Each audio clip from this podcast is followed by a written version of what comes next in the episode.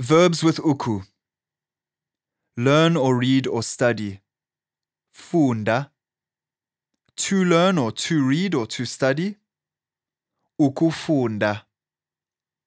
Talk. Thetha. To talk. Ukuthetha. Go.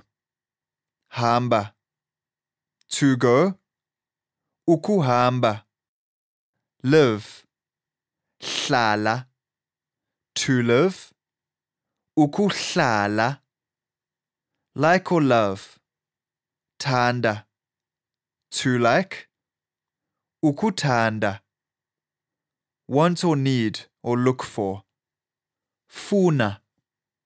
To want or to need or to look for. Ukufuna. Ask. Buza. To ask. Ukubuza. Request politely. Cela. To request. Ukucela. Help. Nceda. To help. Ukunceda. See. Bona. To see. Ukubona. Listen. Mamela. To listen. Ukumamela. Work. Sebenza. To work. Ukusebenza. To use. Ukusebenzisa.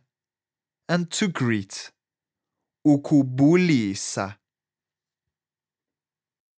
So it's easy. Any word in the present positive, i.e., ending with an a, just add uku to the front.